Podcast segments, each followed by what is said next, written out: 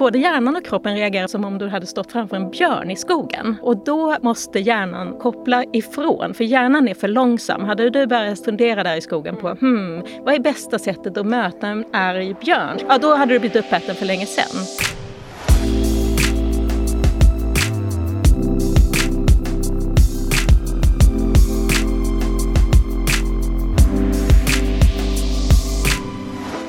Hej! Välkommen till Region Sörmlands HR-podd. En podcast som bidrar till att utveckla ditt självledarskap. Idag är det vårt andra avsnitt och vi kommer att fortsätta att dyka ner i temat återhämtning. Mitt namn är Lena Amnes. Jag jobbar som organisationskonsult och ledarutvecklare på Riddarfjärden. Och vid min sida idag har jag Katrin Dagander, HR-poddens redaktör och idag tillika och även i framtiden programledare. Vi ska tillsammans leda det här avsnittet. Eh, men innan vi presenterar dagens gäst så vill jag att lyssnarna ska få möjlighet att lära känna dig, Katrin. Vad gör du i regionen? Jag arbetar som eh, rekryteringsspecialist, så min roll är att rekrytera till alla mm. delar av organisationen. Okay. Stort, stort behov då inom vården självklart, mm. men inom alla delar. Okej, okay, vad bra. Vilken tur att du finns. Tackar. Tackar. Om du skulle beskriva dig själv då? Om du skulle få beskriva dig själv eh, som en film eller en bok eller en tv-serie. Hur skulle du beskriva dig själv då? Det är inga lätta frågor som du ställer. eh, och jag ska försöka vara kort. Eh, jag tror att jag skulle kunna beskriva mig som en film eh, som heter Jakten på lyckan. Det är en film med Will Smith där han jagar framgång eh, och väldigt motigt och jobbigt för honom. Men han hittar sätt mm. att ta sig fram tillsammans med sin son. Just det. Och eh, jag jag känner så mycket för den filmen mm. och den passar bra in i mitt liv också. Just det, de övernattar på en toa kommer ja, jag ihåg. precis, mm. i tunnelbanan. Det har inte jag gjort men... men så det är lite det här kämpa och... och... Ja, lite mot alla odds mm. ibland. Eh, men det är väldigt utvecklande. Jag ger mig gärna in i nya utmaningar, mm. varav det här är en. Ja, mm. precis. Och du, jag vet ju att du är ensamstående och du har rätt många järn i elden. Både privat och på jobbet såklart. Eh, men vad är din relation till begreppet återhämtning? Berätta. Jag tror att det är så att jag får nog tänka till att återhämta mig. Mm. För jag har en otroligt hög energinivå och mår bra av att ha många järn i elden. Min relation till det är att jag får stanna upp ibland och tänka till. Ta några djupa andetag. Mm. Kanske också tänka, hitta hitta mina sätt som jag mår bra av mm. och inte kanske jämföra med alla andra. Och vad är det för sätt till exempel? Vad skulle det kunna vara? Läsa mm. mycket inom olika intresseområden och då menar jag läsa i en bok mm. eller i en tidning. Mm. Inte då så mycket via telefonen eller plattan eller så. Eh, jag är mycket för trädgårdsarbete och då, då kopplar jag av. Och promenader. Är du duktig på att be om hjälp? Nej. Inte ett dugg. Det har vi fått veta tidigare i, i förra programmet att, att ta hjälp var ett, ett tips ifrån Sofia. Men du, är det inte dags nu? Ska vi hälsa dagens gäst varmt välkommen? tycker jag absolut vi ska göra. Då säger vi välkommen till Paula Richter, vår specialistpsykolog som är på besök idag och ska hjälpa oss att grotta ner oss lite mer i ämnet återhämtning. Vi tänkte börja med att du får presentera dig lite själv. Tack. Jag är studierektor för de eh, psykologer inom regionen som utbildar sig till specialister. Så att jag jobbar med psykologerna men också gentemot chefer och ledningsgrupper för att få dem att få reda på vad det är som gäller när det är just den här specialistutbildningen för psykologer. Om du skulle be din bästa vän att beskriva dig lite som person, hur skulle han eller hon beskriva dig?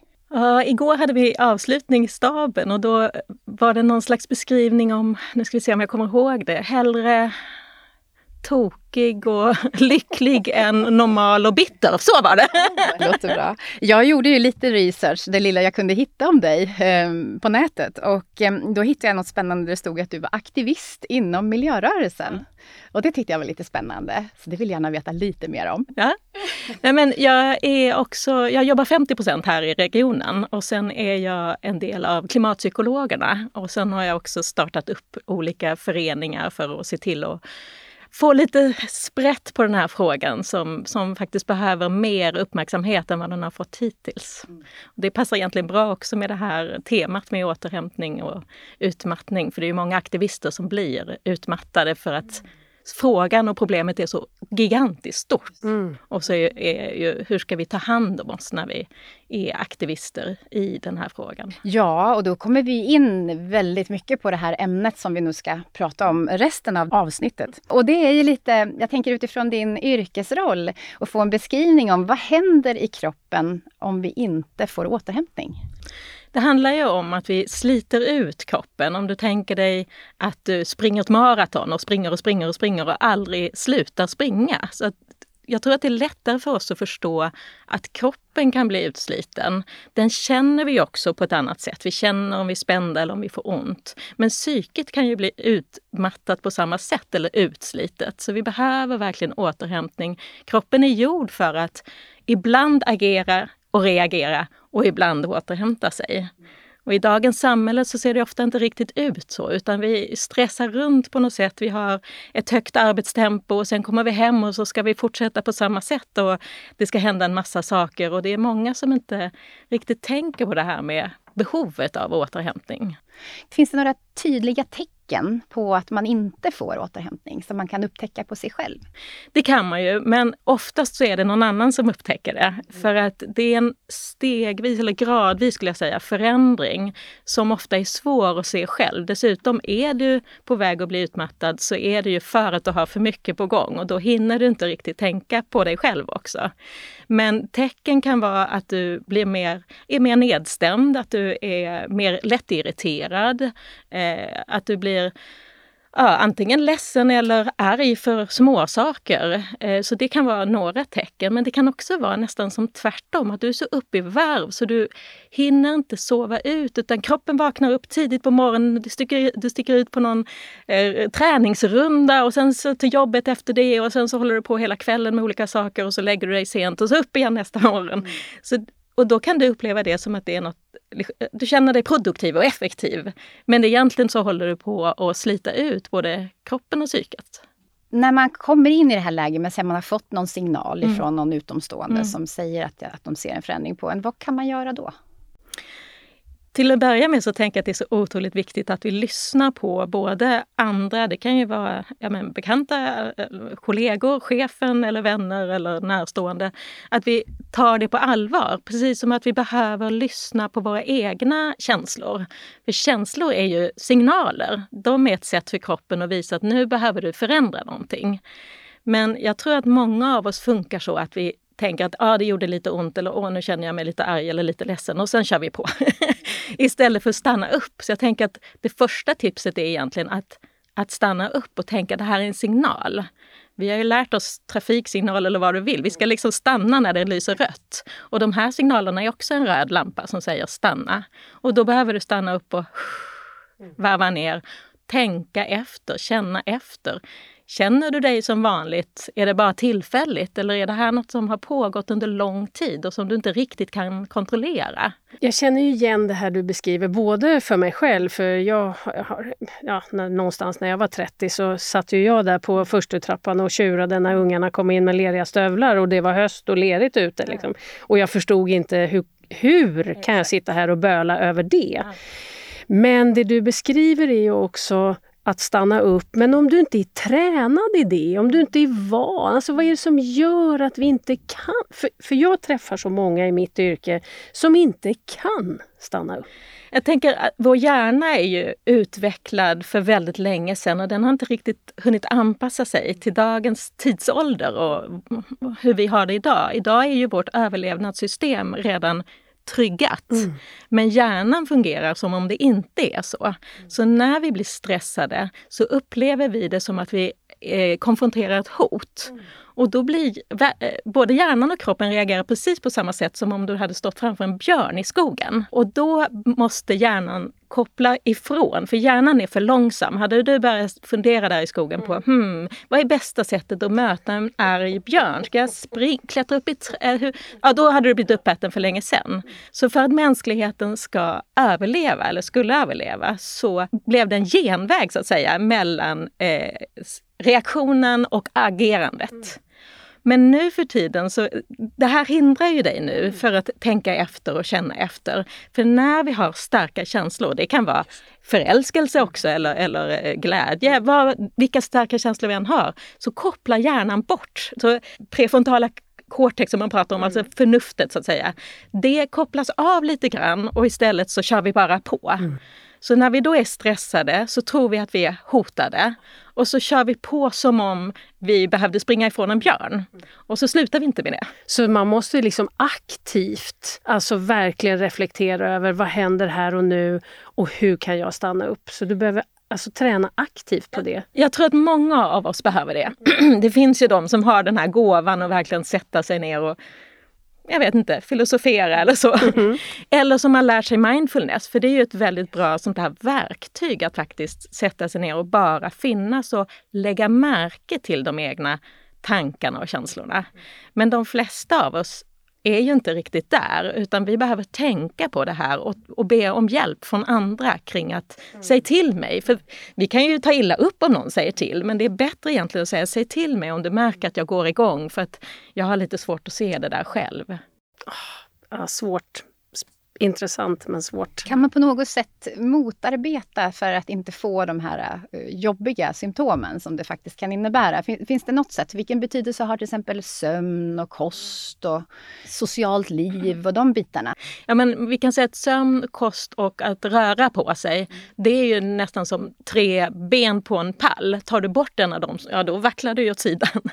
Så att vi behöver dels kroppen behöver röra på sig för att fungera. Och det behöver verkligen inte vara hårdträning. En del som håller på att bli utmattade hårdtränar ju för det är ett sätt för dem att hantera de här fysiologiska responserna som vi får när vi tror att vi är under hot. Ursäkta, fysiologisk respons, eh, vad va är det? Ja, jättebra, du får återkomma till din fråga sen. Men, men eh, fysiologiska responserna är ju när vi står framför den här björnen som kanske egentligen är en stressig att göra-lista.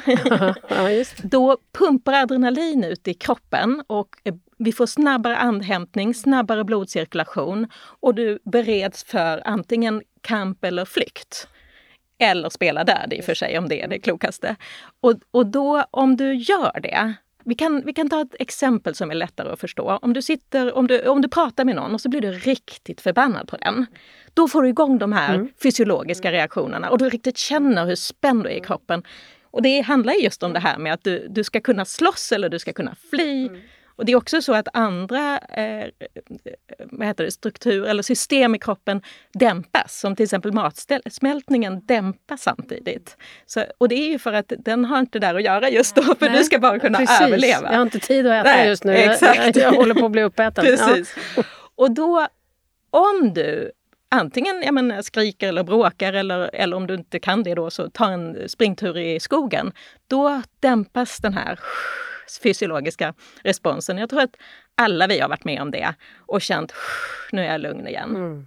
Men om du blir så här uppvarvad, om vi är kvar på den här att du blir förbannad på någon, men du kanske sitter på en släktmiddag eller pratar med chefen eller vad det nu är och känner att nej, men det är inte läge just nu att skrika och bråka och det är inte heller läge att bara resa sig upp och gå ut och springa i skogen.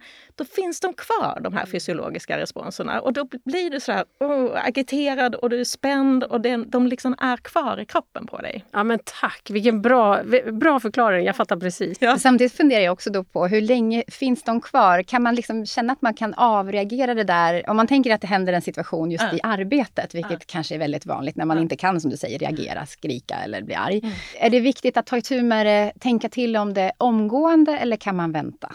Jag tänker att det bästa är om det går att ta itu med det direkt. Och det är ju också så, om du blir arg på jobbet så är det ju mycket bättre att kunna ta tag i det då. Mm. Sen måste du ju inte skrika, utan det bästa sättet är ju ja, egentligen med jag-budskap säga jag blir sårad när du gör så här eller jag känner eh, så här om du... Ja, så att vi liksom tittar på oss själva och inte lägger det på dig, du är dum. Nej, utan mer beskriva din egen känsla. För då tar du ju hand om det mm. där och då. Mm. Så det vettigaste på alla sätt är att ta det direkt. Absolut. Sen är det klart att om du då inte tyckte att det var möjligt eller lämpligt så tänker jag att om du tar en snabb eh, löprunda på, eller, eller promenad räcker ju såklart, på lunchen eller så, så har du ändå tagit hand om det. Mm många av oss fungerar ju så att, att vi gärna ringer upp en nära vän eller så, så att vi liksom tar hand om det genom att och bollar det med någon annan. Och då kan vi också bli lite smartare så att vi sen kan gå tillbaks till den här personen vi blir arga på och prata med den på ett, på ett nytt sätt för att vi har fått Just bolla det. Och vi har kom, fått lite perspektiv på det och blivit lite lugna kanske. Exakt. Mm. Och det är precis samma som de här känslorna som jag innan sa, att de tar över, de överrestar förnuftet. Men när du har bollat det med en vän så, så är du tillbaks och har kopplingarna i hjärnan till förnuftet och då kan du hitta orden och tankarna på ett bättre sätt. Det här känner vi också alla igen när vi blir förbannade. Det är inte det smartaste vi säger just då. Verkligen inte. Men du Katrin, fick du svar på Ja, men det tycker jag. Ja, men vi var inne på det här med de här benen eh, med sömn, motion, kost. Att eh, vi kan inte rycka undan någon Nej. del. Eh, är det någon av de här delarna som har större betydelse än någon annan del? Eh, eh, eh, å ena sidan vill jag säga ja, å andra sidan vill jag säga nej.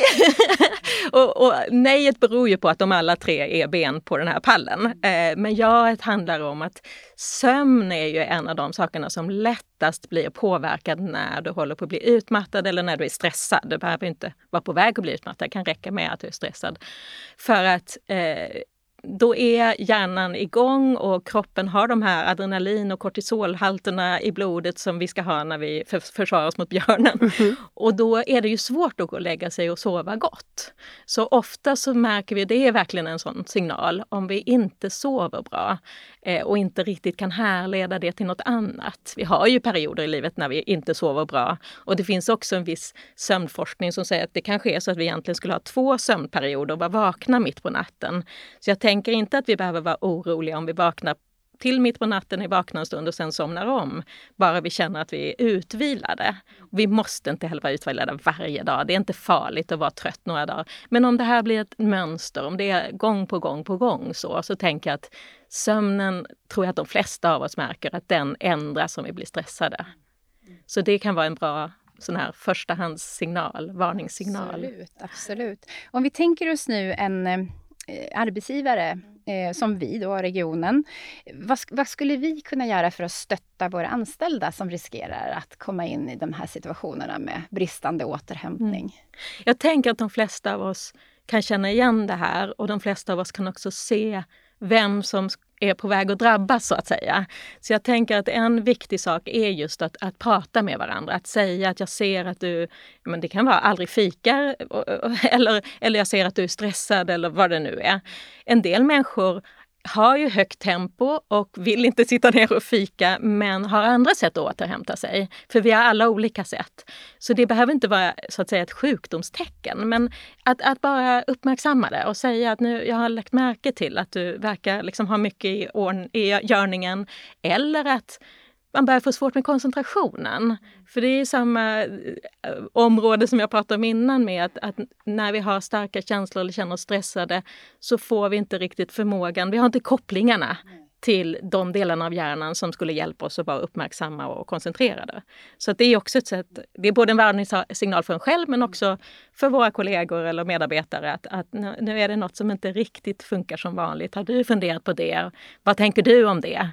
Man närmar sig lite försiktigt. För som jag tror jag sa i början där, man kan ju också bli ja, men lite förnärmad om någon säger men varva ner, ta det lugnt. Mm. Mm. så det är, inte, det är inte en hjälp utan hjälpen är mer hur, hur är det för dig? Hur, hur, känner du? Hur har du det? Så. Och då är också det ett sätt att sätta sig ner tillsammans och andas ut och tänka, vad händer nu? Och som du sa där i början, att eh, i och med att vi är olika som personer så måste det ju vara en person som känner en som säger det. Mm. För själv är det så, jag får ju ofta höra, varva ner, du ah. måste andas. Ah. Jag tänkte, det gör jag väl. Ja. det är så här jag är. Ja. Och det kan kännas ganska kränkande eh, om någon säger, för att det är min personlighet mm. som de gör angrepp på. Ah. Eh, och då är det viktigt att vi kan acceptera att vi är olika, men att vi har olika, om jag förändras och däremot blir väldigt tyst, mm och då mår jag dåligt. Ja, just det, precis. Ja. Men man någon... kan inte tro att det bara är de som har gått i spinn och står och skriker som mår dåligt, utan det kan vara precis vem som helst. Helt normalt ja. beteende. Ja, ja, ja. ja, verkligen. Så är det ju. Ja. Eh, och det är precis det jag menar. Mm. Men om, om, om jag sätter mig ner med någon och säger hur är läget för dig, hur mår du? Jag har undrat lite.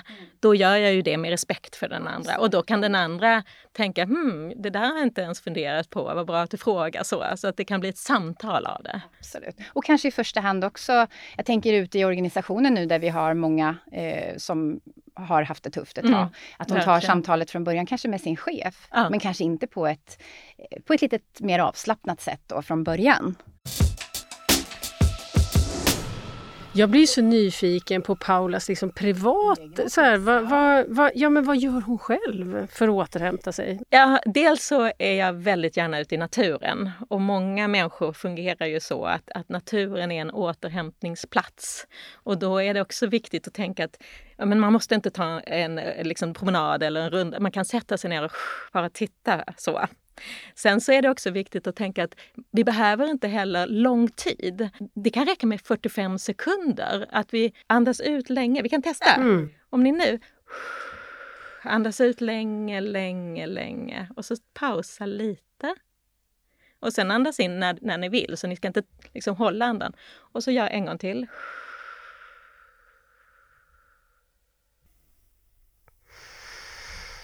Oh. Känn efter hur det känns i kroppen. För det är faktiskt biofeedback till kroppen. För när vi står där framför den här björnen så vet vi att det är ett hot. Och när vi andas lugnt så vet vi att det är lugnt. Det är inte ett hot. Vi står mm. inte framför en björn. Och nu när vi inte har så mycket björnar i arbetslivet mm. eller ens i privatlivet så är det ett sätt att berätta för kroppen att du kan ta det lugnt. Så andas lugn, länge ut så här, pausa lite och tillbaka. Bara några andetag, fem, sex andetag och känn vad händer i kroppen. Och då är det viktigt att påpeka att det, det kanske inte känns något och det är helt okej okay också. Det finns inga rätt eller fel utan bara känn efter. Kanske ramlar axlarna ner lite, kanske känner du liksom lite tyngd i kroppen eller så känner du ingenting. Det är ändå en återhämtning. Och en lättillgänglig sådan, tänker jag, eh, i arbetslivet och ute. Att man behöver inte gå undan så mycket, kanske räcker att man vänder ryggen lite till. Eller blundar. För att kroppen behöver, eller psyket behöver återhämtning på det sättet att om du sitter framför en dator hela dagarna till exempel, så tror du kanske att du återhämtar eh, hjärnan genom att sen titta på Facebook eller något socialt eller så. Men det gör du inte, för eh, eh, hjärnan behöver något nytt, något annat. Den behöver liksom, så det räcker att blunda framför datorn och göra de här utandningarna. Mm. Har du några riktigt bra återhämtningstips? Ja. Alltså, om jag ska först fråga på den här frågan med, med vad jag själv gör så är det förutom naturen att, att, så är det mindfulness. För det har jag tyckt var så uh, hjälpsamt. Mm. Uh, och kunna göra det ibland bara som en paus mitt i jag vet inte, kön på affären, det står man ju inte i just nu, men, men, men, annars när och var som helst. Eller liksom verkligen meditera och bara ta det lugnt och se vad som händer så att säga. Eh, förnimma vad som händer. Eh, men, men annars så tänker jag att lyssna på sina signaler, alltså på när känslorna och kroppen säger ifrån. Lyssna på det. För jag tror att vi ofta inte gör det. Så jag tänker att ett tips är att unna dig att ta pauser. Och det kan vara längre eller kortare. Och kan du gå ut en promenad eller sätta dig ner vid ett träd på, på lunchen så det är jättebra för det är mitt på dagen sådär, mitt i arbetstiden. Lyssna på när känslan säger något, när kroppen säger något, för det är vårt signalsystem. Och om du tänker dig att, du, att det är ett litet barn som försöker säga till dig mamma, mamma, jag behöver någonting och du bara tittar bort så att ja. barnet pratar med en vägg så att säga. Så gör vi med våra egna signaler. Att vi vill inte känna av dem. Så att blir vi trötta så tänker vi jag behöver kaffe istället för jag behöver vila. Men skulle du säga att det är dina tre mest handfasta tips även som i din profession?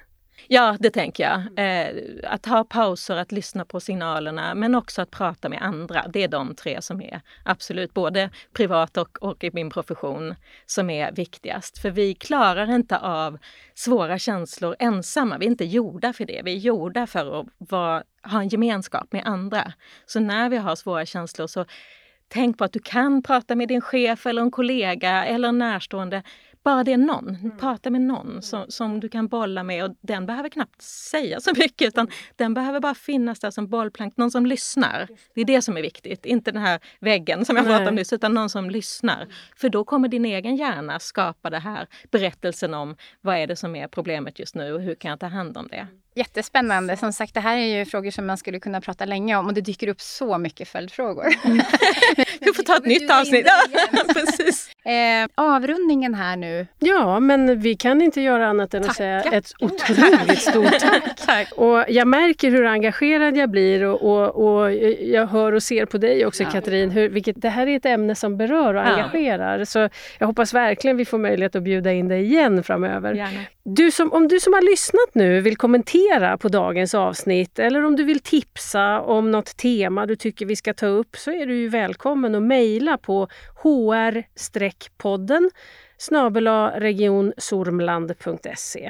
och på hemsidan under HR-podden så kommer du hitta de poddar som vi spelar in.